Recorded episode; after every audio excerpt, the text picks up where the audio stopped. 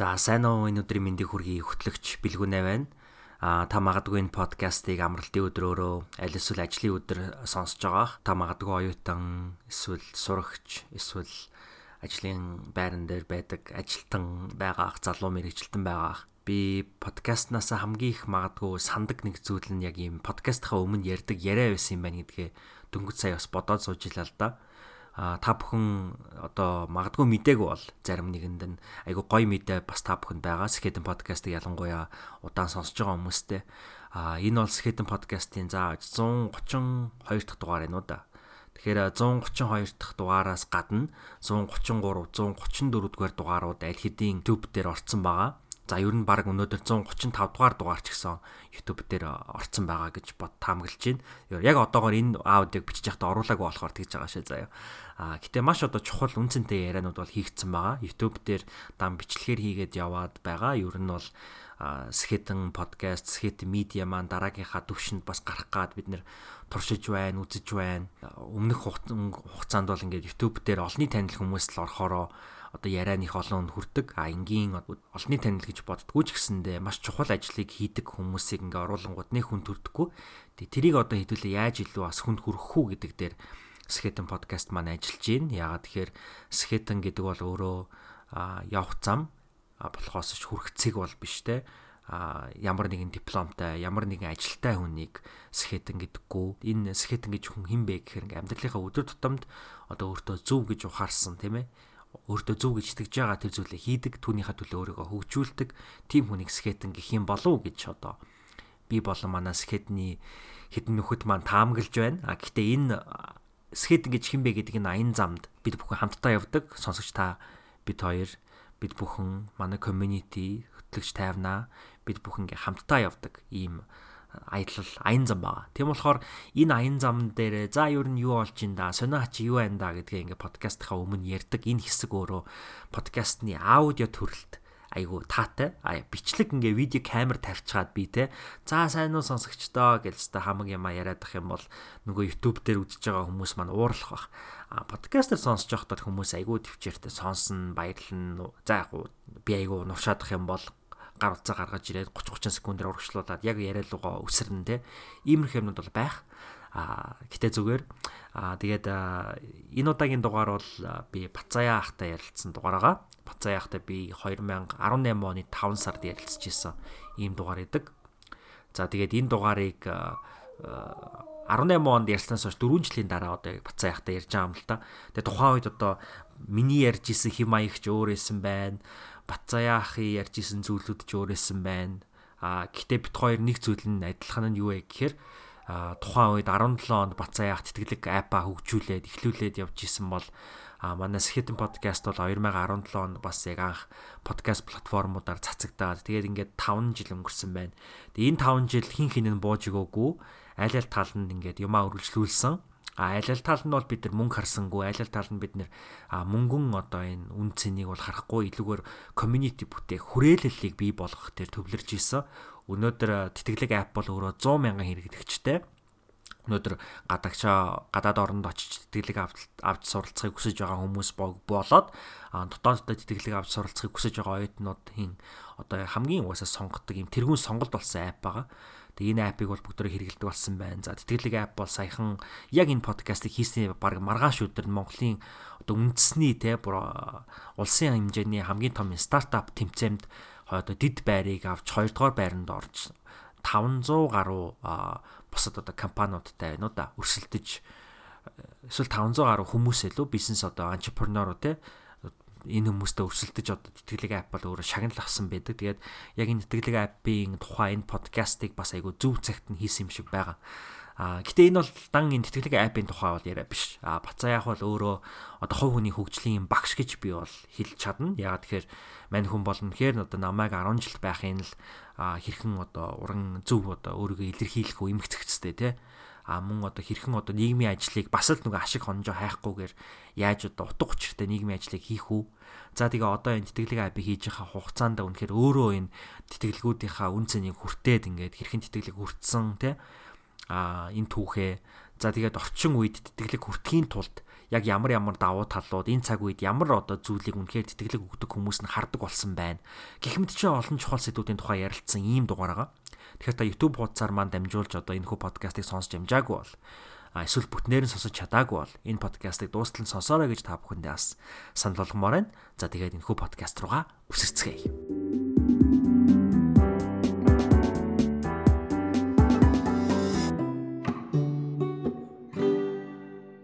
За сайн байцгаана сонсогчдоос Хэдэн подкастын ээлжид дугаар эхлэх гэж байна. Тэгээ өнөөдөр би 4 жилийн өмнө Хэдэн подкастыг Нямын 8 байх үед оролцож байсан. Бацаа яхтаа 4 жилийн дараа яг 5 сард оролцож байсан юм билээ. 2018 оны 5 сард. Тэгээ одоо ингээ 2022 оны 5 сард хоёлаа дахиад уулзж байна.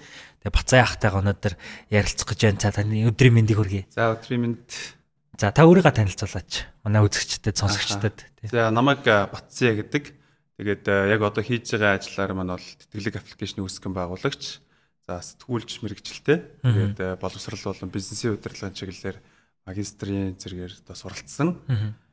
За нэг ийм л хүн байна да товчхондоо танилцуулах юм бол тий. Окей.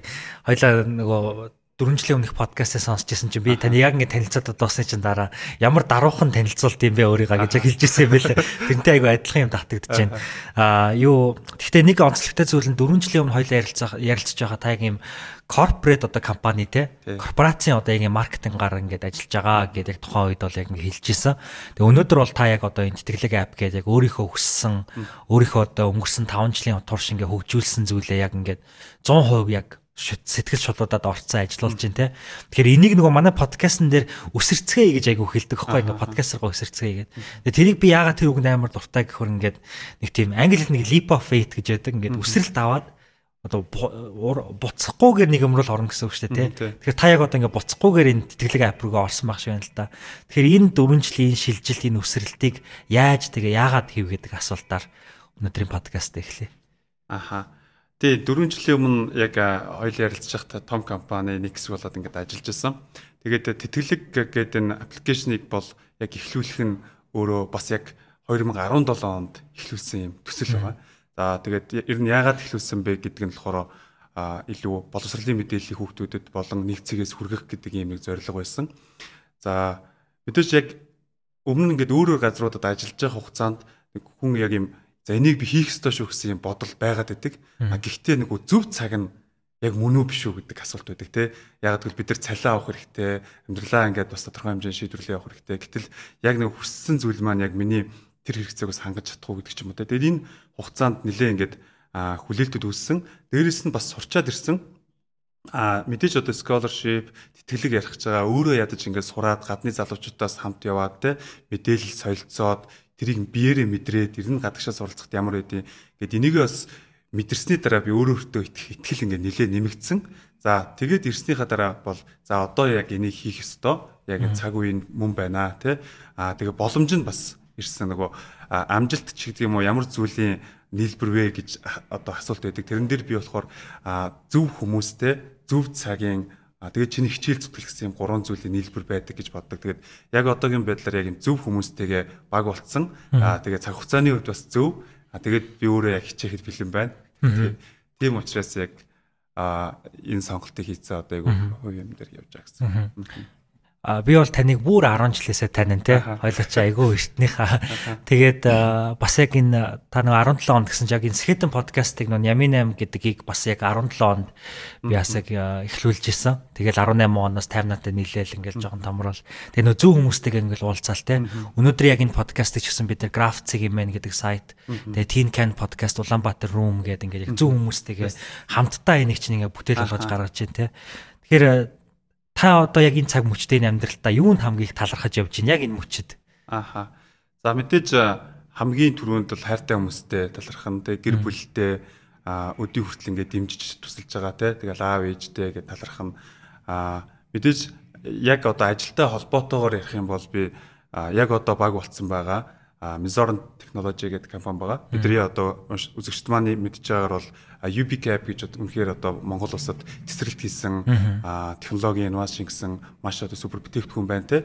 Тэгэхээр яг энэ UBCAP-ийг хийсэн залуучууд Mizorn-ы залуучууд маань яг тэтгэлэг аппликейшны яг технологийн асуудлыг нь шийдээд бид нар нэг одоо завин дээр суугаа явж байгаа. Тэгээд яг хийж байгаа зүйлийнхээ хувьд бол хамгийн түрүүнд мэдээж Мизорныхондоо талархаж байна. За тэгээд стартап альва нэг одоо бизнес ч гэдэг юм уу санаа гараанаасаа хөдлөхөд хамгийн одоо их хүч шаарддаг. Тэгээд тэр үед ч гэсэн а 4 жилийн өмнө ч гэсэн мэдээллийг хүргээд одоо ч гэсэн те яг энэ подкастаараа дамжуулаад бид нарт бас маш их дэмжлэг үзүүлж байгаа.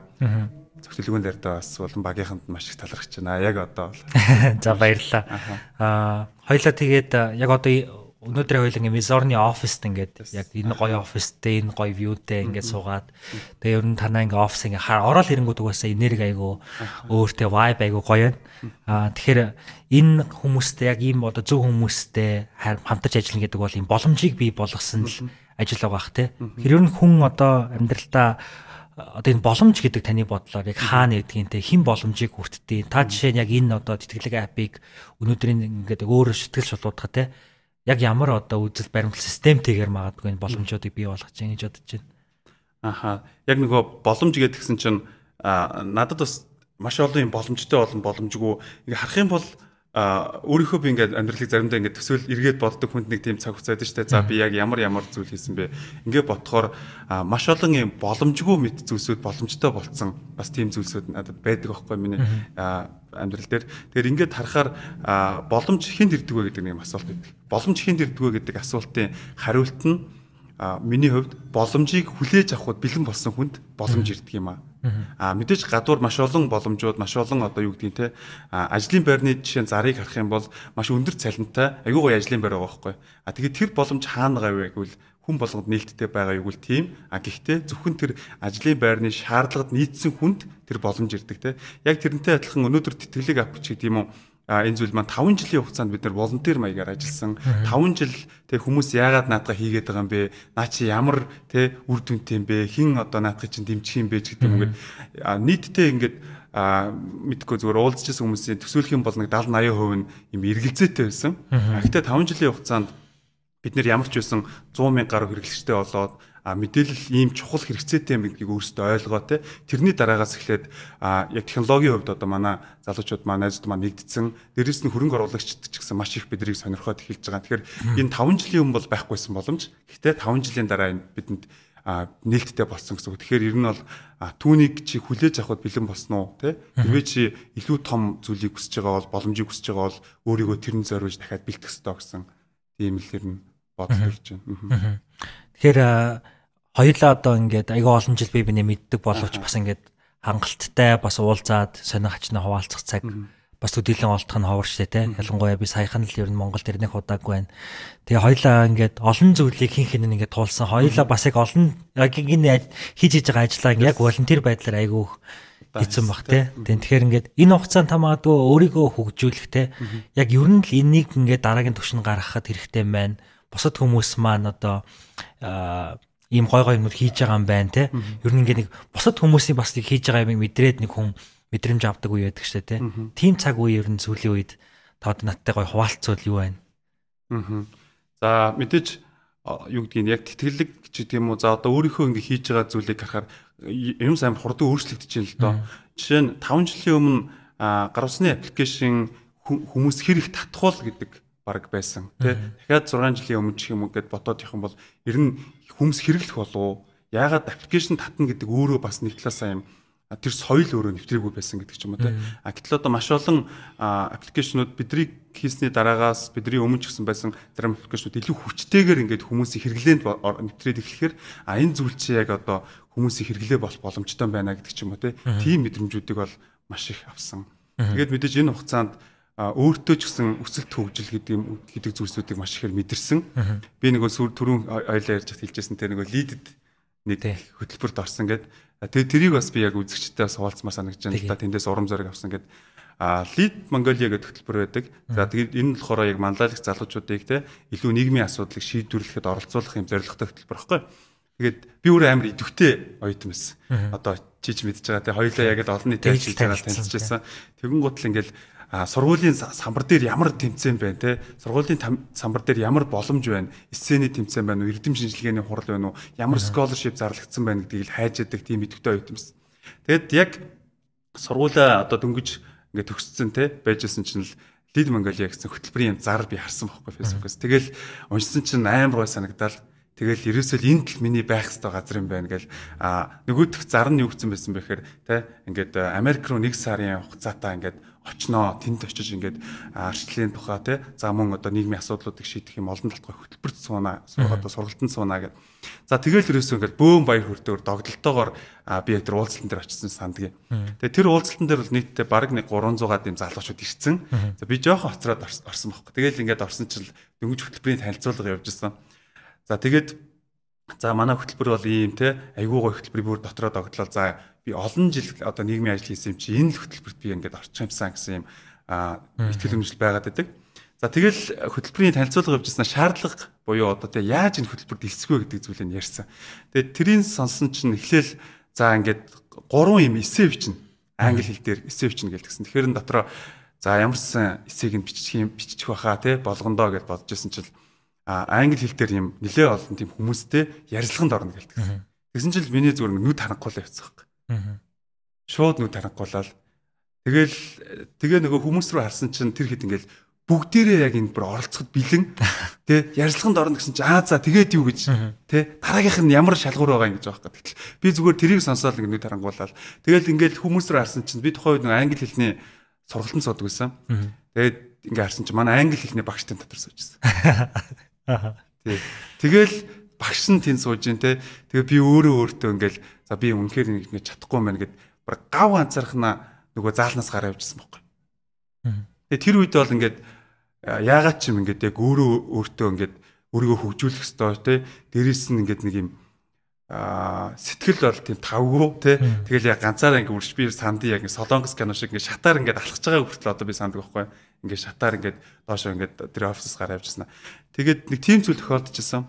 Тэгээд лид гэхэд хөтөлбөр маань 2020 онд ингээ сүүлийн жилийнх нь эсэлт болоод ингээ бас яг зарыг би ингээ олж аваа. Тэгээд за энэ удаад би бол ямар ч гэсэн оролцох ёстой гэж бодоод а бас материалаа илгээгээд эсээгээ бичээ. Тэгээд ярилцлагандаа ороод ингээ бүх үе шатуудыг даваад тэгээд 20 оны exchange хөтөлбөрийнх нь шилдэг 30 оролцогч нэг болж чадсан. Тэгээд энэгээр амар бахархдаг. Тэгээд яг энэ хэдийгээр нэг энэ жишээ маань яг миний амьдрал тохиолдсон жишээ боловч яг чиний нөгөө түрүү асуудаг тий боломж хинд ирдэг вэ гэ те 5 жилийн өмнө бол надад яг ингээд хаалга хаацсан байсан хөтөлбөр те. 5 жилийн өмнө бол надад яагаад ч ирэхгүй байсан хөтөлбөр. 5 жилийн дараа ингээд яг үе таалгаа нээгээ тэр боломжийг би ингээд татгаад хамгийн гол нь тэн дотор ингээд энэ хөтөлбөр тэнцсэн маш олон залуучуудтай аим хүрээлэл үүсээд найзууд болсон. Тэр нь бол миний маш юм өрөөгөөчтэй зүйлээсэн тэр найзуудаа харж бас урам зориг авч хийж байгаа зүйлсүүдээс нь бас за би ч гэсэн ингээд юм а явуулаад ах хэрэгтэй шүү гэдэг юм ихтгэл өмчлөг маш их авдаг. Гоё ярилтай. А би өнөөдөр танаас ягаад ч юм ер нь ингээд сүүлд би бас Монголд ирээл нэлээ ингээд хүмүүстэй уулзаал ялангуяа дүүнертэй тий би ч өөрөө одоо нэг үтсэн чил ах болчихсон. Тий тэгээд ингээд дүүнертэй ингээд уулзаал нэлээ юм ярьлаа. Тэгэхэд ингээд а нэг юмыг ерөөсө мэдрэхээс хамгийн айдаг юм байна л да. Ер нь хүн болгоно л бах. Тэрний үг ингэ жижигхэн байх мэдрэмжээс. Ингээд өө би ч бусдаас ингэ жижигхэн юм байна шээ те. Ялангуяа би тэр мэдрэмжийг хизээ анхавж исэн бэ гэхээр яг Америкт оюутан болж очиод тэгээ би ч нөгөө 10 жилдээ бас л айгу нэг мэдвэхтэй ер нь л Монголд айгу мундаг одоо сурагч байсан. Тэгэнгүүт Америкт очингууд өө би чинь хинч биш юм байна те. Хумхын тоос юм биш гэж баг бодож байгаа байхгүй. Тэгээд э, таас тиймэрхүү одоо төстэй те ингээд өөртөө сэтгэл готрах ч юм уу те сэтгэл ханамжгүй байхын мэдрэмжийг яг тэр лидээс ингээд авч ирсэн байж та. Гэхдээ таны түүхийг бас ингээд харах юм бол та жишээ нь ингээд саяхан ингээд Тайванд очиод аюул олон гадаад оюутнуудтай ингээд суралцаад ингээд бас дэлхийн ингээд олон өөр үзэл бодолтой хүмүүстэй ингээд яла хамтарч ингээд сурлаа ажиллаа те. Тэгэхээр энэ туршлагаасаа бас хуваалцаж энэ үед жишээ нь танд ямар мэдрэмж төрчихв? Аха. Ер нь бол одоо жишээ нь ингэдэг л дээ. Аа юуг харах юм бол Миний хувьд яг 50 лөө явсан тэр бол маш гой санагддаг. Яг 10 жилдээ ингээд яг бодтоо ингээд юу гэх юм бол 10 жилдээ би ингээд сургуульд ингээд сурж байхдаа англи хэл бол яг сураагүй. За их сургуульд ороод ч гэсэн надад бол яг юм англи хэл гээд те яг айхтар сурсан зүйл байхгүй. Ингээд яг үеийнхнээсээ бол ингээд хоцроол яваад исэн л да. Гэхдээ нэг зүйл юу байсан бэ гэхээр а бас нэг айдас байсан гадаадд сурна гэдэг бол бүр маш холын бүр зориг шиг санагддаг байсан. Бүр хизээж биелэхгүй. Бүр манай ээж ингээд надад хэлж байгаа. За миний хүү хэл сураа. миний хүү одоо ингээд өөрийгөө хөгжүүлээ те миний хүү одоо ингээ ихээр нь би бол чадахгүй гэдэг юм мэдрэмж байсан. А гэхдээ чадахгүй гэж наана хэлж байгаа ч гэсэн цаана би хизээ нэг өдөр те явандаа би хизээ нэг өдөр чадандаа гэсэн тийм тэр нууцхан тийм бас хүсэл ингээд байгаад байсан. Тэгээд мэдээж харьцангуй яг үеийнхэнтэйгээ харьцуулах юм бол нэлээ оройтж одоо юу хин те эхэлсэн зорилго хотлоо явж эхэлсэн. А гэхдээ ямар тач а тодорхой цаг үеийг туулаад бүр ажилд орсныхоо дараа сургуулаа төгсөөд баг одоо хэдэн жил юм бэ а 5 6 жилийн дараа ямарсан гадагшаа ингээд одоо зорж сурж ирсэн. Энэ нь болохоор үнэхээр миний нүдийг бол нээсэн. А нийтдээ 20 гаруй улсын залуучуудаа суралцсан зүүнүүд Азийн тэгэл одоо Америк, Франц тэ ингээд баг бүх улсын залуучуудаа ингээд суралцсан. Тэгээ тэнд ингээд яг хамт явж байхад үгүй энэ чинь ойрхон байсан юм байна те. Энэ хүмүүстэй хамт мөр зэрэгцээ суралцаад мэдээлэл аваад ингээд явах ч бас ойрхон байсан юм байна гэсэн мэдрэмж бол надад төрсөн. Тэгэхээр магадгүй бас яг өнөөдрийн тэтгэлэг апыг та ингээд үргэлжлүүлээд та бас ингээд ажилуулад байгаа шалтгаан нь эсвэл магадгүй бүр ихэлсэн шалтгаан ч юм уу? Бас яг таны тэр нөгөө одоо тэр мэдрэмжтэй би ямар ч хэлсэн сурч чадандаа гэсэн мэдрэмжэн дээр байгуух байгаа ах гэж би итгэж байна л да. Тэгээд одоо ингээд сургуулиуд нэг зарлалын самбар гэдэг чинь их сургуулиуд дээр тэгээ одоо бол нэг зарлалын самбарыг хүмүүс хардсан юм мэдгүй. Гэтэ хүн болгоно гар утсан. Тэнгүү тэтгэлэг апыг ингээд хүмүүс суулгачих юм бол нэг notification ирээл тэр чинь өөрөө зарлалын самбар байгаа шүү дээ тий. Тэгэхээр тэр нь хамгийн том үнс нэ гэж надад бодогдож байна л да. Тэгэхээр таны хувьд яг энэ тэтгэлэг апыг хамгийн анх нөгөө нэг ийм апп хэрэгтэй байна гэдэг те энэ санаа ер нь яг анх хизээ яг яагаад толгойд орж ирв. Аха. Тэгэхээр яг энэ одоо юу гэдгийг аппликейшнтэй холбоотой санаа бүр 12 13 онд. А тэгтээ яг нэг аппликейшн гэдэг утгаар биш. Нэг суурь санаа нь орж ирсэн байхгүй. А би нэг идэвхтэй оюутан байсан гэж хэлсэн те. Тэгээд ингээд тэмцээн уралдаан болон scholarship-ийн зар амар хайдаг. Маш их хайдаг. Ингээд өдөр болгон тэмцээн болох уу тэ ямар боломж байгаа бол хаана юу байгаа бол гэж хайдаг. Тэгээ тэр мэдээлэл ингээд бүх газар байдаггүй байхгүй юу. Жишээ нь одоо ингээд одоо ч гэсэн харж байна тэ имшүүсийн зарын самбар дээр байгаа мэдээлэл мөйсийнх дээр зарим байхгүй. Мөйс дээр байгаа нь имшүүс дээр байхгүй ч юм уу тэ. Эсвэл хувийн одоо хол байгаа сургуулиуд дээр бүр тэр зар бүр гоо. За тэгээ сошиал медиа ч гэсэн те бид нар өнөөдөр хэдийгээр ингээд сошиал медиа ингээд платформуд байгаа ч гэсэн тэндээс бид нар яг хэрэгтэй мэдээлэл хайгаад олон ихэд маш их цаг зав хүрдэг те. Яг нэг тэтгэлэг волонтер ажил хайхад бараг л цаг 2 цаг ухчааж олох ч юм уу тийм шаардлага байдаг те. Тухайн үед ер нь яагаад энийг нэг цэгээс хүргэж болдгүй юм бол нэгдсэн байдлаар ингээд мэдээлэл авч болдгүй юм бол гэдэг пэйж нээгээд ажиллаж исэн. Тэгээд 16 онд ингэдөө энэ аппликейшн гэж юм байж болох юм байна гэдэг юм сэтэл төрөөд тэгээд анхныхаа яг тэр 17 онд аппликейшн хийлгэж олон нийтэд хүртэл болгож ирсэн байхгүй. Тэгэхээр анхны сэтэл нь бол ерөөсөө л яг нэг оюутан байхад өөр тулгардаг байсан асуудлаа шийдэх шийдэх байсан. Тэгэл тэрийг шийдэл болгоод аппликейшн болгоод гаргасан. Тийм. Эхнийх нь бол яг тийм байгаа даа. Одоо ингээд өнөөдөр бол тэтгэлэг апыг ингээд дараагийн түвшинд гаргахад те хамгийн чухал юм аа түншлэл энэ харилцаа холбоо нөхөрлөл байгаа. Тэгэхээр таны хувьд одоо энэ харилцаа холбоонуудыг бий болгох те бас ингээд тэтгэлэг апт ингээд та өнөөдөр а баг бас ингээд бүгдүүлээд ажиллаж байгаа шүү дээ. Тэгэхээр тэр хүмүүст ингээд ихтгэл үнэмшил төрүүлэх шаардлага үүсэж байгаа. Тэгэхээр тэр ихтгэл үнэмшлийг өөр нь хамтрагч нартаа түншүүдтэй яаж бий болгодог вэ таны хувьд арга барил нь? Аха. А хамгийн одоо сонирхолтой ч юм уу гоё зүйл нь бол тэтгэлэг ап өөрөө нийгмийн одоо төсөл гэж одоо хэлж болохоор зүйл. Тийм учраас хүмүүс энэ угаасаа хэрэгтэй гэдэг хандлагаар ханддаг биднэрт а нөгөө талаас нь харах юм бол ер нь одоо улс орны хөгжил гэж бид нар ингээд нэг амар том сэдв ярьдэн шүү дээ улс орн хөгжихгүй байна улс орноо хөгжүүлээ гэдэг тэгвэл энэ улс орны хөгжил гэдэг зүйл юугаар хэмжигддэг юм бэ гэдэг асуулт байгаа. Тэгэхээр бид нар төсөөлөх юм бол одоо барилгаар хэмжих гээд үзээ л да тий. Гэтэл өнөөдөр ямар ч одоо хөгжил бүрийн оронд маш өндөр шилэн барилга байж л байгаа байхгүй өнөөдрийн энэ цаг үед те. Тэгэхээр бид нар барилга байшингаар яг хэмжих үл энэ өрөөсгөл болно. Ацтай юугаар хэмжихөөр хүнээр нь хэмждэг. Тэ тухайн улсын иргэд соёлтой байна уу? Тухайн улсын иргэд нь хэрэг боловсралтай байна те. Ядаж үйлчлэгээний газар ороход нь те илүү мөнгө авдаггүй байх чинь л өөрөө тухайн улсын илэрхийлэн шүү дээ те. Тэгэхээр хүний хөгжлийн асуудал яригддаг. Ингээд хүний хөгжлийн асуудал яригдахаар юу яригдах вөхөр хамгийн суурь нь за мэдээж эрүүл мэнд те орчин маш олон зүйл яригдана. Гэхдээ хамгийн суурь нь боловсролын асуудал яригддаг. Тэгэхээр энэ боловсролын асуудлыг бид нар ингээд шийдэх гэж байна те. Энийг бид нар шийдэж чадах юм бол нийгмийн олон асуудлыг шийдэх юм байна гэдэг энэ одоо одоо яг өөрийнхөө мэдрэмжээ хуваалцахад хүмүүс одоо манай багийнхан маань ч гэсэн те яг энэ дээр бид нар яг 100% санал нэгтэй байдаг. Дэлхийд дээр ч гэсэн а яг ингээд үргэлжлүүлээд Тэгэх юм бол дэлхий дээр нэгдсэн үндэсний байгууллагын доктортой хөгжлийн зорилт гэж байгаа. Доктортой хөгжлийн зорилт дээр боловсролын чанарыг сайжруулах гэсэн хэсэг байгаа байхгүй. Тэн дээр нийтдээ 10 зүйл байдаг. 10 зүйлийнх нь 7 нь болохоор хүлээгдэж байгаа үр дүн, а 3 нь болохоор хүрх арга зам байна. Тэгээ хүрх арга замыг нь бид ингээд судалсан чинь 3 хүрх арга замынх нь эхнийх нь хүртээмжтэй боловсрол гэж байгаа. Нэгдэх нь А хоёр дахь нь дэлхийд дахинаа тэтгэлгийн тоог эрс нэмэгдүүлэх гэж байгаа. Ягагтгүй л боломжийг тэгээ өөрийгөө хөгжүүлэх боломжтой хүүхдэд боломжийг нь олгох гэж байгаа. А гуравдугаарт нь юу байгаа вэ гэсэн чинь багшлах боловсон хүчийг сайжруулах гэсэн юм гурван арга замаар одоо дэлхийд дээр те боловсролын чанарыг сайжруулах сайжруулах бүр доктортой хөгжлийн зорилт татсан байгаа байхгүй. Тэгээд тэтгэлэг ап маань өөрөө энэ зорилтуудыг хангадаг. А бид нар 17 оноос хойш өдийг хүртэл боловсролын мэдээллийг хүртээмжтэй байлгах чиглэлд ажиллаж эхэлсэн байна. Одоо 100 мянга гаруй хэрэглэгчд маань одоо мэдээлэл авч ийн гэдэг маань залуучууд тэг хаанаас авах вэ? Эсвэл мэдээллээс хоцрог одоо орон зайны хувьд те орон нутагт байсан байж болно. Сургууль дээр нь зар очтгүй байж болно. Те магадгүй өөр ингээд нөөц болцоогүй байсан хүмүүс мэдээлэл авдаг энэ хэрэгцээг бид хангаж байгаа а хоёрдугаар дэлхийн техно эрс тэтгэлийн тоог эрс нэмэгдүүлэх гэсэн хэрэгцээ байна. Тэгвэл тэр нэмэгдэж байгаа хэрэгцээг яаж монгол залуучуудаа хүргэх үү гэдэг те. Тэгэхээр ерөөсөө л энэ нэгдсэн үндэсний байгууллагын дэвшүүлсэн байгаа боловсролын зорилтуудаа бас тэтгэлэг аппликейшны зорилтууд нийцж байгаа юм байна гэж дотроо амар юм гоё байдаг.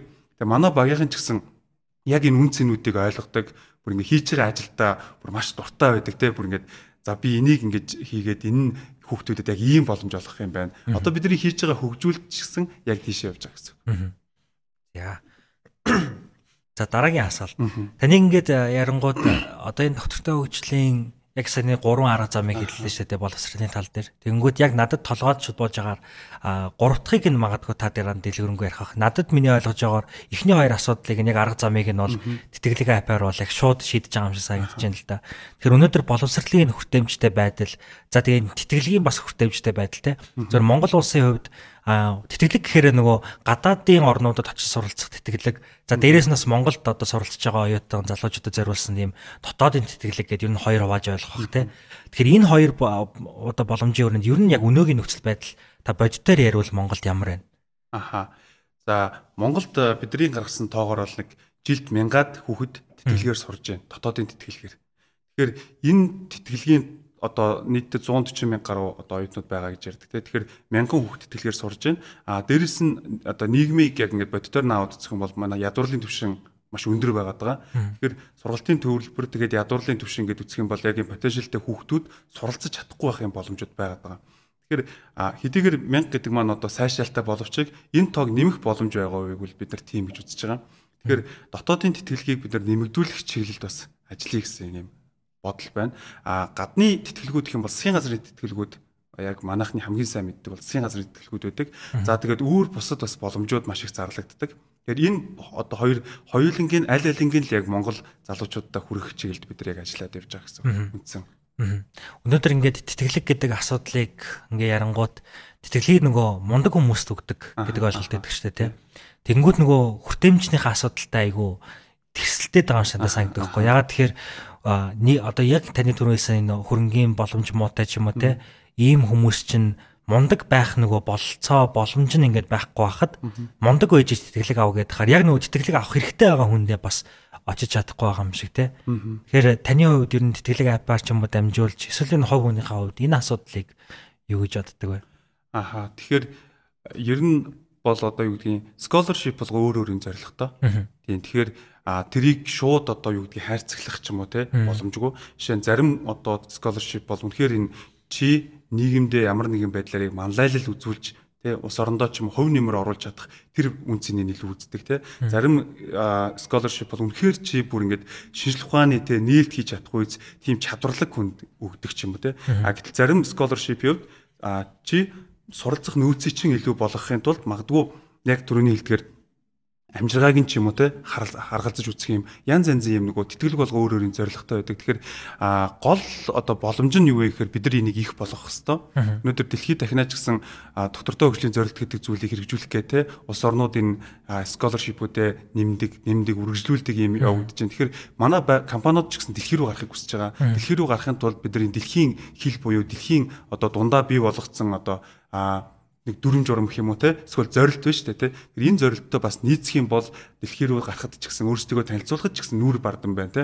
Өндөр нийгмийн хариуцлага гээл ингээл байжснаа гинт юм ажил хийдэг. Нийгмийн хариуцлага гээл байжгаад одоо нэг хог цэвэрлдэг ч юм уу те. Тэрийг эсвэл ямар нэгэн ажлууд хийдэг ч гэдэг. Тэгэхээр зүгээр л компани өөрөө энэ хийж байгаа нийгмийн хариуцлагынхаа ажлыг боловсролоо чиглүүлээсэй гэж бид нар хүсэж байгаа.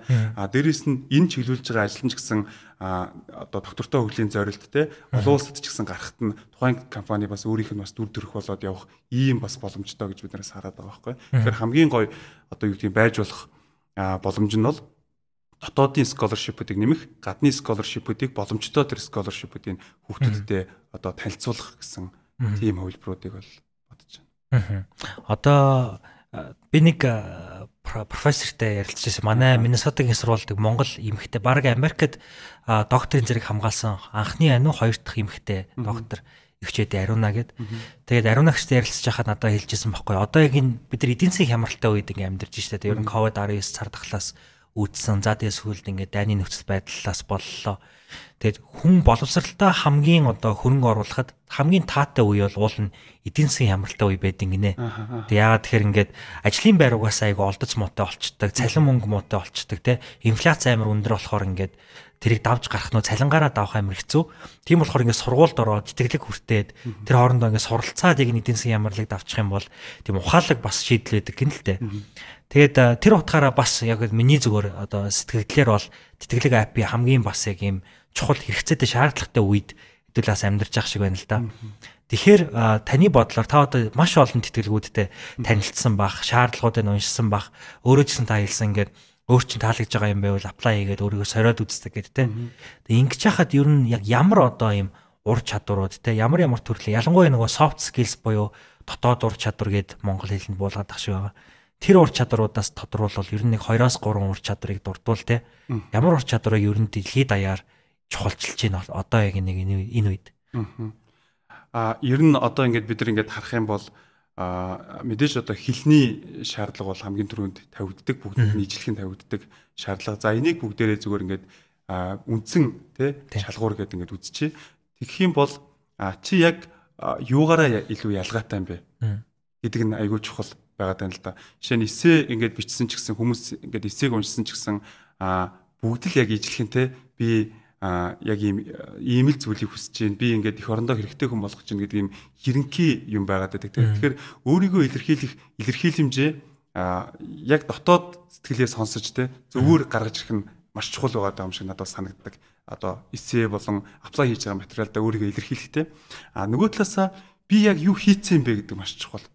Ер нь волонтер ажиллаж гэсэн бидний амьдралд маш их хэрэгтэй, те scholarship авах хэрэгтэй гэдэг маань юу вэ гэхээр хүнийг одоо ирээдүйн төсөөллийг бол хүн болгон одоо ярьж чадна. Яг ижилхэн төсөөлж чадна те хүн болгон ижилхэн одоо зорилт тавьж болно те. Гэхдээ хүн болгон чиний өнгөрсөн гэдэг бол хизээч өөрчлөгдөхгүй зүйл байгаа байхгүй. Тэгэхээр миний хувьд харж байгаа болон одоо энэ scholarship ингээд авсан хүүхдүүдийг харахад чи яг өмнө юу хийжсэн? Тэн дээрээ суурлаад ирээдүйд юу гэж байгаа. А түүнээсш яг одоо юу ч хийгээгүй ч юм уу те ямар ч одоо волонтер ажил хийгээгүй юу ч хийж бүтээгээгүй байжснаа би ирээдүйд юм бүтээн гэдэг бол өөрөө хийсвэр байгаа даа байхгүй. Тэгэхээр нөгөө боломжид өөрийгөө бэлтгэдэг шиг хэрвээ чи scholarship яг авахыг хүсэж байгаа бол мэдээж хилээ бэлтэн тэрний зөө яг чиний тэр суралцж байгаа scholarship чиний яг зорих байгаа тэр тэтгэлэгч нь ямар одоо ирээдүй ямар зоригтой хүнийг дэмжих гээд байгаа. Гэхдээ тэр зорилго нь бас зорилгынхоо төлөө алхам хийцэн хүн байх хэвээр. Тэгэхээр тэр алхмуудаа хийсэн үг гэдэг л хамгийн чухал. Тэгэхээр яг scholarship сонирхож байгаа залуучууд дүнэртэй хандж хэлэхэд бол өнөөдрийг хүртэл би яг юу хийсэн байгаа хэрвээ би 4 жилийн дараа scholarship авах гэж байгаа ч юм уу байгаа бол би энэ 4 жилийн хугацаанд ямар ямар зүйлсүүдийг хийгдсэн байх хэвээр тий. За жишээ нь волонтер ажил байж болж гин тэр чиглэлийнхаа чиглэлээрээ ажилласан ажлын туршлага байж болж гин судалгааны ажил байж болж гин гэдэг ч юм уу тий. Яг ийм бусд хүн болгонд ижилхэн байхгүй тэр зүйлийг л бүтээх хэрэгтэй бол гэж Би яг өчигдөрхөн 10 жилийн сурагч нарт тэгээд бас хасраа хамгаалагч нарт ийм өөрийнхөө л түүхийг хуваалцаад хэлтгэл тавилаа. Тэгээ тэрний дараа нэг хүүхэд надаас ирээд асууж байгаа байхгүй яг 10 жилийн сурагч. Тэгээ надад айгүй хэцүү асуулт байсан. Тэрний юу вэ гэхээр та баг тааж байгаа би ингээд ямар түүхтэй юм би мэдэхгүй байна те. Би өөрийгөө олж амжаагүй байна. Гэтэл яг нөгөө одоо их сургуульд жишээ нь оронгууд их сургуулийн э, одоо энэ аппликейшн дээр чинь яг тэтгэлгийн асуултууд ер нь давхар явж байгаа шүү дээ те. Тэрэн дээр яг нөгөө өөрийнхөө түүхийг хаваалц гэд ингэдэг. Тэгээ би одоо өөрийгөө ч мэдэхгүй байна. Миний түүх юу юм ч би мэдэхгүй байна. Би дөнгөж 10 жилийн хүүхэд шүү дээ. Гэдэг байгаа байхгүй юу? Та одоо ийм асуултанд ер нь юу гэж хариулах вэ? Аха яг гоо зүгээр ийм л юм бэлээ. Бид нар ер нь нэг бодох цаг айгу баг байдаг юм бэл бодох цаг баг. Одоо шин би манай найзууд зарим нь ингээд ментор хийдэг байхгүй тий. Яг гадагшаа явах гэж байгаа хүүхдүүдэд тусалдаг юм. Эсвэл ингээд менторын үйлчлэгээ үзүүлдэг. Ингээд найзуудтайгаа уулзахаар ингээд байхгүй. Аа хүүхдүүд ч бай. Том хүн ч бай. Аа нэг юм асуудал байна гэдэг байхгүй. За тэр нь юу вэ гэсэн чинь ерөөсөө тодорхой асуулт байхгүй байна гэдэг зүйлийг ярьж байгаа. Маш ерөнхий асуудаг. Би одоо ингмээр байна, тэгмээр байна Тэгэхээр а ямар байвал их амар байна гэсэн чинь яг надаас юу асуух гээд байгаа гэдгийг тодорхой. А тухайн хүн өөрийнхөө скиллийг би чамд ийм ийм зүйлээр одоо шинэ би Лондон сурж байсан те. Тэгвэл би Лондонгийн ийм ийм зүйлийг мэднэ. Лондонгийн тухай ярьж өгч чадна. А өөрийнхөө сурсан одоо сургуулийн талаар ярьж өгч чадна, scholarship-ийг ярьж чадна. За тэгээд хэл сурах талаар ч юм. За энэ дөрвөөс л чеклэл надаас асуучвал би яг тааш таашны хариу өгөх гээд ингэж байгаа байхгүй. А гэтэл нөгөө хүмүүс болохоор бүр ингэ тойроод асуугаа явцдаг. Тэгэхээр тэр ингээ амжилттай яриа болж чаддаг. Тэгэхээр ерэн зүгээр хамгийн гол нь тухайн хүүхд одоо яг шууд хин нэгэн ийм асуулт асуувал би эхлээд нэг өөртөөгөө ажиллах буюу те ядаж миний одоо ирээдүйн зориг гэдэг эссе байлаа гэдэг тэрийг тэмцээнд зориулж үстэй яг чин сэтгэлээсээ өөртөө зориулаад эхлээд эссе бичээд үзүүл те. Яг миний зориг ээ гэтээ тэр нь тэмцээн уралдаанд орох биш шүү дээ те. За бичээд үз. Тэгээд ингээ уншаад үз Тэг яг энэ миний ирээдүйн зорилго мó юм уу? Аа эсвэл би дахиад ингээд тэмцээнд орж байгаа юм шиг хин нэгэн таалагдчих байгаа юм шиг бичсэн байна уу те. Гэт тэгвэл энэ биш бол дахиад бичээд үзтээ. Ингээд өөрөө өөртөө ажиллах нь хамгийн чухал юм шиг байна. Ер нь бол одоо зөвлөгөө гэдэг бол маш амар зүйл те. Би нэг бас бичсэн байгаа нөгөө тусгаарлалтын өрөөс бичсэн тэмдэглэгээд номон дээр бичсэн зөвлөгөөний тухай тэгээд ер нь хүнд ингээд зөвлөгөө өгөх бол маш айх айхаар зүйл л те. Ягаад гэвэл чи зөвлөгөө өгчөөд тэр зөвлөгөөний тухай өдөр болгон боддгоо. А чамаас зөвлөгөө авсан хүн тэр зөвлөгөөгөр чи амьдрдаг байхгүй. Тэгээд 5 жилийн дараа 10 жилийн дараа гарсан үр дүн нь үр дүн тэр хүнд л үйлчилдэг. А түнс зөвлөгөө өгсөн хүн бол 5 жилийн дараа уулзвал баг нөгөө хүнээ танихгүй шүү дээ. Тэгэхээр хүүхдүүд ч юм уу залуучуудад та ингээд найзуудтай ч гэсэн ер нь сүүлийн үед ер нь зөвлөгөө өгс айдаг болсон. Тэгээд зөвлөгөө гэдэг бол зүгээр л юм баруунаас аагаас бэцийг төрөх юм өөрийнхөө туршлах ч юм уу ямар нэгэн мэдээллийг хүнд амжуулж байгаа байхгүй. Гэтэл чи нөгөө агаас бэдэр байсан тэр нэг юм аялал шүү дээ тий. Энэ аяллаа зөвлөгөө гэд хүнд өгчдөг. Тэгсэн чинь нөгөө нэг зөвлөгөө авч байгаа хүн чинь А дээр байхгүй байвал яах. С дээр байвал яах юм тий. Өөр цэг дээр байвал яах. Тэгвэл дахиад чиний нөгөө нэг зөвлөгөө өгсөн тий. Яг чинийхийг дагахын тулд дахиад А дээр очих хэвээр гэдэг ч юм. Тэгэхээр өөрийнх нь ингээд туулах хэвээр бас нэг одоо өөрөө өөртөө ярилцах хэвээр өөрөө туулах хэвээр гэдэг юм орон зай байд юм болоо гэж боддог байхгүй. Тэр үнэхээр ингээд хүн зөвлөгөө авъя гэдэг дэрүүл одоо тэг яах вэ? Тий, тэх юм бол тэгэл арга замуудын танилцуулна. Тэгэл болоо. А би бол хамгийн сайн зөвлөгөө бол хамгийн олон арга замыг танилцуулах. Хамгийн сайн зөвлөгөө бол харах өнцгийг нь тэлэх. Тэгэл болоо. А тэгтээ нөгөө зөвлөгөө өөрөө сонголтонд нь нөлөөж болохгүй юм байна гэдгийг би бол аюусаа ер нь бодоод идэг болсон байгаа сүүлийн үед тий. Би таны түрүүний хэлсэн тэр ерөнхий асуулт асуудагтай ер нь бол хамгийн их санал нийлж байна. Тэгээ ер нь нэг тийм би баг ингэж нэрлүүл зөөр гэж боддог. Монголчууд нэг тийм мэдээлэл авъя гэдэг сэтгэлгээтэй байгаа байхгүй тий. Ингээ бүх юмны дор мэдээлэл авъя гэж биччихдэг. Тэгээ ингээд хүн рүү бичгтээ хүртэл хүнээс юм асууж байгаа гэж тий баг мэдээлэл авъя гэдээ асуугаад байгаа байхгүй тэгэхээр чи.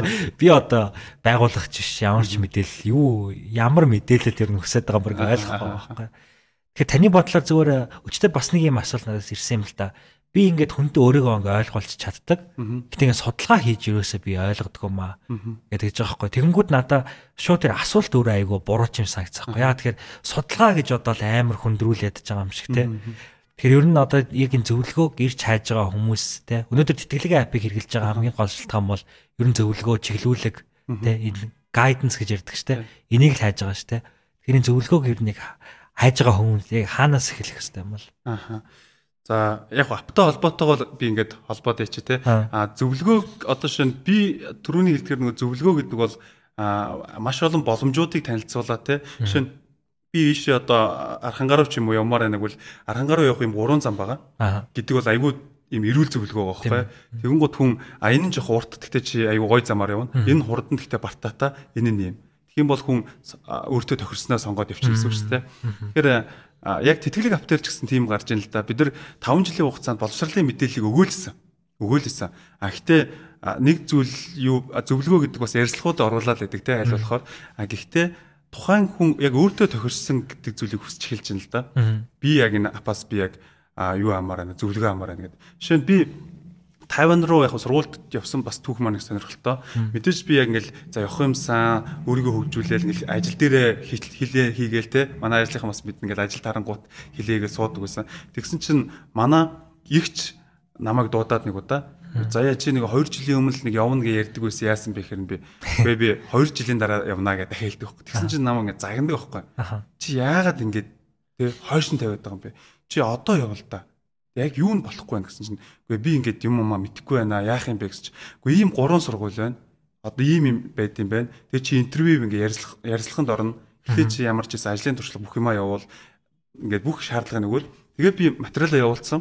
Тэрний дараа интервью хийж байгаа байхгүй сургуулийнхаа профессорудаа. Тэгсэн чинь надад юм 20 асуулт бэлдэж өгөөд за чи энэ 20 асуултанд яаж хариулах уу гэдгээ маш сайн бэлтгэсэн. Тэгээ би бүтэн сар 2 сарын хугацаанд нөгөө 20 асуултанд л тест өөрийгөө бэлдсэн те. Чи яагаад энэ сургуулийг сонгосон? Яагаад бизнесийн удирдлагаар сурч байгаа? Яагаад манай хотыг сонгосон гэдэг асуултанд ингээл баг саржангаа бэлдэж байгаа байхгүй. Тэгээ сургуулийнхантайгаа ярилцлаганд орсон чинь яг л тэр асуултанд нэг 10 хэд нэрэл би тэрэндээ бэлдсэн байсан учраас хариулаад ингээд сургуульд элсэд орж исэн. Тэгэхээр яг энтэй адилхан нөгөө хүүхдүүдэд ч юм уу залуучуудад ямар нэгэн юм зөвлөх хэрэгтэй байгаа. А тэгэхээр бид нар тэтгэлэг апын 2.0 дээр бид нар яг энэ менторинг системийг яаж хамгийн одоо кул хамгийн одоо смартер хийх үү те гэдэг дээр маш их одоо цаг хугацаа зарцуулж байна манай багийнхан. Тэгэхээр бидний 2.0-ийн зорилго бол ерөөсөө л тухайн хүүхдэд яг тохирсон өөрийнх нь хилний төвшин эсвэл сонирхож байгаа улс зэрэг те тэнд нь таарсан одоо мэдээллүүдийг нэгд өгнө тэнд шаардлагатай хөнгөлтүүдийг өгнө. А дээрэс нь түрүүний хэлдгээр асуултыг маш наривчлуулад те тэр ментороос яг тэр зөвлөгөө авах боломжноос олгоё гэдэг ийм яг хүрээлэл донд бид нар хөгжүүлэлтээ хийгээ явж байгаа гэсэн. Аа хоёулаа магадгүй энэ сэдвийг ярихад хамгийн таарах хүмүүсүүдийн нэг байж магадгүй. Тэрний юу гэхээр одоо ингээд та менторинг ингээд аяга аппликейшныхаа дараагийн хувилбарыг гаргаад ингээд оруулнаа гэд ингээд явж штэ тэ. Тэгэнгүүт өнөөдөр бол яг энэ менторинг ч юм уу ер нь ийм аппликейшн бүрдүүлэх, тэтгэлэг хөөцөлдөх юм яг бизнес модель болгоод бизнес гэдэг утгаар нь харж байгаа компаниуд а нэг бус ингээд байна штэ тий. А хоёулаа болохоор ярьж ирсэн энэ тэтгэлэг апыг бол нөгөө social enterprise гэдэг. А тэгэнгүүт одоо айгүй олон хүүхдүүд манай подкастыг сонсоод яг нөгөө мэрэгжил сонголтын дээр ч юм уу эсвэл карьер сонголтын дээр ч юм уу ингээд төлөвлөгөө гаргаж байгаа л да. Тэнгүүд бизнес гэхээр нөгөө ашиг орлох дээр л илүү төвлөрж ойлгодог тий. Тэнгүүд яг social enterprise гэж юу нь юу юм? Тэгээ яагаад таны бодлоор яг энэ social enterprise-ыг өнөөдөр Монголд ингээд түжээлээд явж байгаа хүмүүсийн нэгэн хувьд яагаад энэ чухал гэж бодож байна? Ер нь бол одоо э, түрүүн бас яг яригдчихсэн дандаа муу юм хийж байгаад дандаа нийгэмд те буруу юм хийж ирсэн а олсон ашигныхаа тодорхой хуваар нь одоо би нийгмийн асуудлыг шийдэ. Дандаа хүний эрүүл мэндэд хортой юм хийж хийж ирсэн а олсон ашигынхаа жоохон хуваар би нэг эмнэлэгт тэгээ нэг юм аппарат аваад очие гэснээр тэрийг ингээд сошиалаар түгээгээд энийг нийгмийн хариуцлага гэж ярьдаг ийм ойлголт өндөр дэлхий дээр хоцрогдож штэ. Тэгэхээр ерөөсөө чиний хийж байгаа бизнес чинь чиний хийж байгаа өдөр тутамд хийж байгаа зүйл чинь өөрөө нийгэмд хэрэгтэй байх тий. Тэгэхээр social enterprise гэхээр ерөөсөө л нийгэм тусдаа нийгмийн асуудлыг шийдсэн бизнес гэдэг. Аа гэж ойлгож болохоор байгаа. Тэгэхээр тэтгэлэг ап маань анханасаа л яг хүмүүсийн хэрэгцээн дээр тулгуурлаад тэдний боловсролч хөгжих те илүү мэдээлэлтэй байх гэсэн байхад нь тулгамдаад исэн асуудлыг нь бид нэр шийдэж эхэлсэн юм билээ өөрсдөө ч мэдэхгүй. А тэгээд одоо нэгэнт ийм болсон учраас бид нар энийг яг энэ суурьа яаж хадгалах уу гэд тэгээд илүү их мэдээлэл яаж хүргэдэг болох уу? Өнөөдөр мянган хүүхдээс 5 нь одоо scholarship авч байгаа бол яаж энийг 50 болгох уу? Тэгэхэд бидний энэ бизнес модель, бидний энэ технологи яаж энэ тусалж чадах уу гэдэг дээр бид нар маш их төвлөрч байгаа. А нөгөө талаасаа яг хөө мэдээж а яг нийгмийн одоо суурьтай хүмүүс гэж одоо тий одоо чи ч гэсэн яг ингээд нийгмийн суурьтай би бас ингээд нийгэм олон нийтийн ажлууд тодорхой хэмжээнд хийжсэн суурьтай хүн чинь яг бизнес болох гот тэгэхээр ингээд Гэ болохгүй. Тий. За одоо ингэж байгаа жишээ нь тэтгэлгийн мэдээг үнэтэй болгоё гэдэг санал хүнээс гарч штэ. Тэгэхээр болохгүй ээ. Тэ үнгүү байх хэвээр үнгүү болох чинь. Одоо манайх чинь 5 жил үнгүү ажилласан тэ. Тэнгуут за одоо энийгээ ингээд төлбөртэй болох хэвээр болохгүй ээ. Наадах чинь үнэтэй байж болохгүй. Наадах чинь бүгд үсэх хэвээр гэдэг. Ингээд нөгөө зөрчилдөө үүсдэг юм байлаа. Тэгэхээр энийг яаж илүү смартаар шийдэх вэ те бид нар өндөр Facebook гэдэг дэлхийн те Meta гэдэг компани бид нар бүтээгдэхүүнийг ашиглаж байна. Хинч мөнгө төлөхгүй байгаа. Аа. Гэхдээ тэгвэл яаж энэ дэлхийн хамгийн том компани оршин тогтнод байгаа. Аа.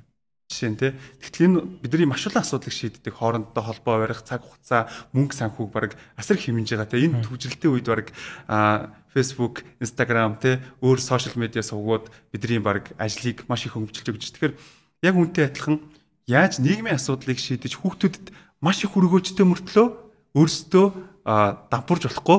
Дампуурах юм бол энэ гоё ажил маань зогсох учраас тодорхой хэмжээний юм үр ашигтай өөрөө өөрсдийгөө тижигээ явцдаг тий ирээдүйд баг багаар ч гэсэн өөрийгөө хөгжүүлдэг бизнес модель байх уу гэдэг дээр манай бизнес багийнхан маш сайн ажиллаж байгаа. Тэгэхээр social enterprise гэдэг бол би яг л тэр гэж хардаг. Түүнээс биш тий нөгөө баахан буруу юм хийжсэн лам дээр очиж нэг ном уншуулснаа болчлоо гэдэгтэй адилхан өнөөдөр этикгүй бизнес бизнес этик гэж хичээл үзчихсэн баг те. Тэгээ бизнес этик гэдэг хичээл дээр маш олон кейсүүд үздэг шүү дээ. Дэлхийд дээр байсан бизнесүүдийн. Тэгээд яг тэрнтэй адилхан дүр зургийг ер нь бид нар халах хэрэгтэй байна. Үеиг уусаал тийм болж байгаа юм байна. Дэлхийд тийшээ явж байгаа юм. Тэгэхээр бид нар нийгмийн асуудлыг шийдээд тэгээд бизнес хий. Одоо жишээ нь Монголд ямар бизнес хийх вэ гэд асуусан чинь Монголд ямар асуудал байна гэж асуусан. Гэт. Тэр утаа байна гэвэл тэгвэл утааг шийдэлтэй. Тэ бүгдийг шийдэхгүй маа тэр аль нэг өрхийн утааны асуудал гэдэг үгээр шийдэж болох юм ч гэдэг ч юм те. Тэгэх юм бол энэ бизнес болох юм байна гэдэг. Тэгэхээр энэ өөрөө аа social enterprise юм болов гэж би бол хувьдаа боддог шүү дээ. Тэгингээд одоо нийгмийн сайн сайхны төлөө хийж байгаа юмыг нөгөө хит мэдээч хэрэг ингээд нийгмийн сайн сайхны прожект төслүүд бол ингээд айгүй инерцийг аваад хүмүүс оо өстой гоё юм байна гэл тийм юмд хүрэхтэй бол айгүй хурдан шүү дээ те. Тэнгүүд хүмүүс жоохон за одоо өстой яаравчлаад бизнес олох чи мөнгө олох чи гээл яг ингэхээр яг нөгөө юм чи унаал байхгүй бол хүмүүс итгэл авахгүй болгочтой шүү дээ. Тэнгүүд хоёлаа одоо чинь яг л хинсхэтэн тэтгэлгийг бол ингээл 5 жил ерөнх бизнес гэж харахгүйгээр ингээл яг волонтертэй ингээл сайн дураараа ингээл хийгээл яваад л Тэнгүүт энэ нөгөө ой тарны хүмүүсээс шөмжл авдаг те. Нэг юм хийгээл хий тэгээд олдог мөнгө төгөргөө гэдэг юм уу те. Ягаад ингэж яддаг ингээд. Энэ энэ үеуд та ер нь ямар хариу хэлж байна? Аа яг хөө тэгээд яг голын толгойд асуучлаа гэдэг шиг ер нь одоо яг тэгтгэлтэй өндөр цалинтай газар ажилд орооч тий. Тийм боломж нь бас байгаа тий аа тэгээ яагаад энийг хийгээд байгаа гэхээр нэг юм зүйл байд юм бэлээ. Одоо шин хүн дуртай зүйлээ хийж гин нүг гэдэг бол ингээд маш гоё юм бэлээ л дээ. Аа би бол нийгмийн идэвхтэй хөгжсөн аа одоо ангийн дарга. Тий ангийн дарга. За тэгэл а сургуулийнхаа сурагчдын өрөө өдөртөх зөвлөл гээл те. За тэгэл дебет мэтгэлцээ. За тэгэл эссе тэмцээн уралдаа ингээл ингээ явд нийгмийн идэвхтэй хөгжсөн аахгүй. Тэгэн гут би энэ нийгмийн идэвхтэй энэ маань өөрөө ингээд хобби юм бэл. А заримдаа ингээд хүмүүсийг ингээд нийгмийн идэвхтэй юм хийж байгааг нь харахаар ингээд хийснийхаа дараа ингээд ингээд зөндөө олон жил нийгмийн идэвхтэй ажиллаа тэгсэн чинь ингээд хүмүүс айгүй ингээд муухай юм бэлээ. Эсвэл надад ингээд юу ч баг ингээгүйгээд юм юм юу хариу нэгсэн байгаад байгаа байхгүй тий. А тэгтэл нөгөө хобби гэдэг чинь өөрөө өөр юм байгаад байт юм бэл. Чи сакс тоглохдоо тий сакс тоглосныхоо дараа би ингээ 3 цаг сакс тоглолцлоо гэж хүн гэж гоншгонжихыг ер нь сонсч байсан. Юу ч ирсэнгөө гэх тий. Эсвэл одоо юу гэдэг тий хөлөн бүг тоглох дуртай хүн өөр юу хэдин тий. Яг хоббигоороо нэг юм спортоор хичээлсэн хүн фитнес тавьчаад йог хийчээ тий дараа нь гоншгондгүй штэ. Тэрнтэй адилхан би нийгмийн ажил хийснийхаа төлөө хийж гоншгондгүй байхгүй. Одоо зөндөө олон хандвийн тоглолт чийжсэн те. Бүр ингээд оюунлаг баасан гаргаал цуврал лекц аймгийнхаа залуучуудын дунд чийжсэн одоо Улаанбаатарт те. Маш олон арга хэмжээнүүд ингээд зохион байгуулж ирсэн хизээш гоншхондгүй гэвэл тэр болгоныхоо нөгөө агшин болгоноос кайф авдаг байхгүй ийм ажил. Тэгэхээр тэтгэлэг аппликейшн өөрөө миний хувьд яг тэр хэрэгцээг маань хангацсан ажил. Нийгэмд ингээд өргөөжөө өгдөг. Тэгээд дээрэс нь тодорхой хэмжээний бас нэг ийм өөрөө өөрийгөө аваа явуулаад бизнес модель болох боломжтой. Тэгэд хүмүүс яг тийм маш их хилдэг. Гэтэ нэг юм бэлээ.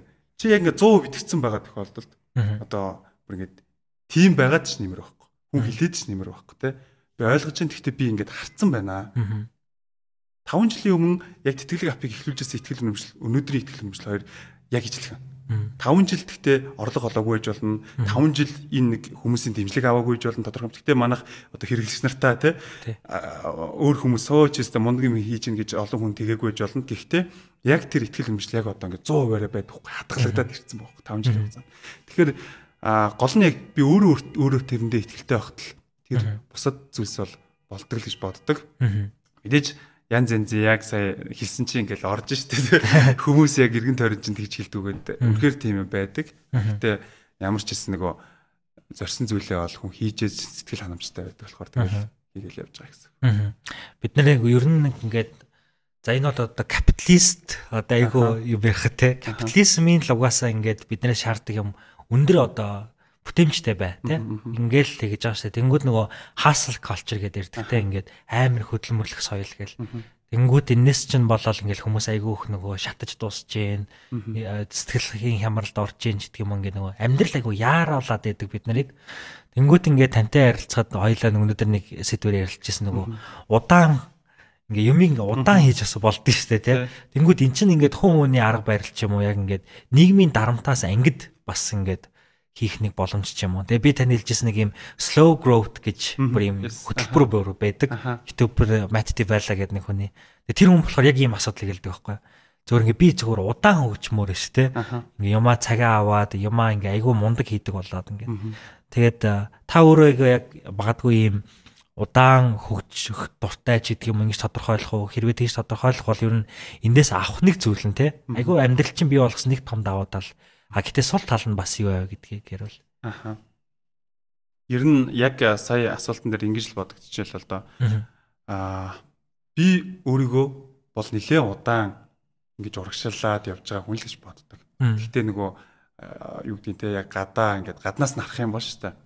Жишээ нь Ховд аймгаас ингээд 1500 км-ийн цаанаас оюутан болоод Улаанбаатар хотод ирэхэд би яг аль сургуульд орох ёстой аль мэрэгжил нь надад тохирохын нэгд ямар ч мэдээлэлгүй байсан. За хоёрт ингээд оюутан болоод ингээд ирсний дараа үнэхээр юм мундаг залуучууд те мундаг гэдэг нь илүү боловсралтай илүү олон залуучууд ингээд сургууль төгсөөл ингээд бүгд гадагшаа яваал өндөр цалин аваал ингээд явж хахад би ажилгүй байж байгаа л хамгийн анхныхаа ажил те баг 4 5 сарын дараа ч юм уу ингээд ороод тэр нь бүр ингээд амьдрал тийм хангалттай цалин авахгүй. Гэтэ ямар ч сан тэр ажлыг хийж явжсан. Тэгээд түрүүн ч гэсэн хэлсэнтэй нөгөө тодорхой миний ингээд хөгжих процесс нэлээд удаа явж байгаа. Одоо ч гэсэн би яг өчигдөр хүртэл шийдвэр гаргачаа сууж байгаа хгүй. За заяа чи олон улсад гарч энэ төсөлчин гарах хэвээр. Тэгвэл чи тэнд очиод хүлээн зөвшөөрөгдөх хэмжээний лидер болох хэвээр. Тэхийн тулд чи яах хэвээр гэвэл яг одоо дахиад хилээ хийх хэвээр гэдэг өөртөө хэлсэн байхгүй.